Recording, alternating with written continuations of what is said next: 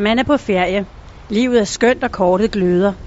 Næsten 80 procent af alle danskere bruger et betalingskort på ferierne.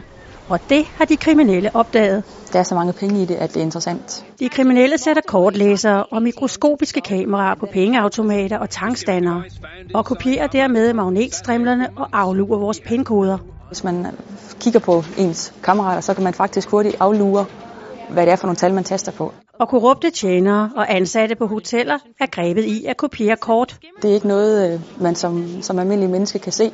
Øh, de er garvede folk, der gør de her ting. Hvis kortet misbruges, risikerer man at stå i udlandet med et spærret kort.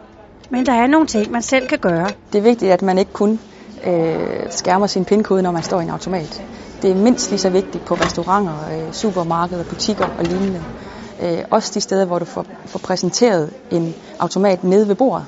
Øh, der sidder mange folk egentlig og taster ud i luften.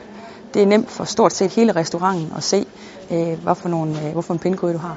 Men det er ikke bare på restauranterne, at problemerne opstår. Men selv ved en hotelskranke kan de, kan de nede bag disken køre igennem en, øh, en aflæser af magnetstriben. Så derfor er det vigtigt, at selv der holder du øje med dit kort. Og når jeg er kommet hjem, så er her et sidste godt råd. Husk lige altid at tjekke kontoen, bare for en sikkerheds skyld.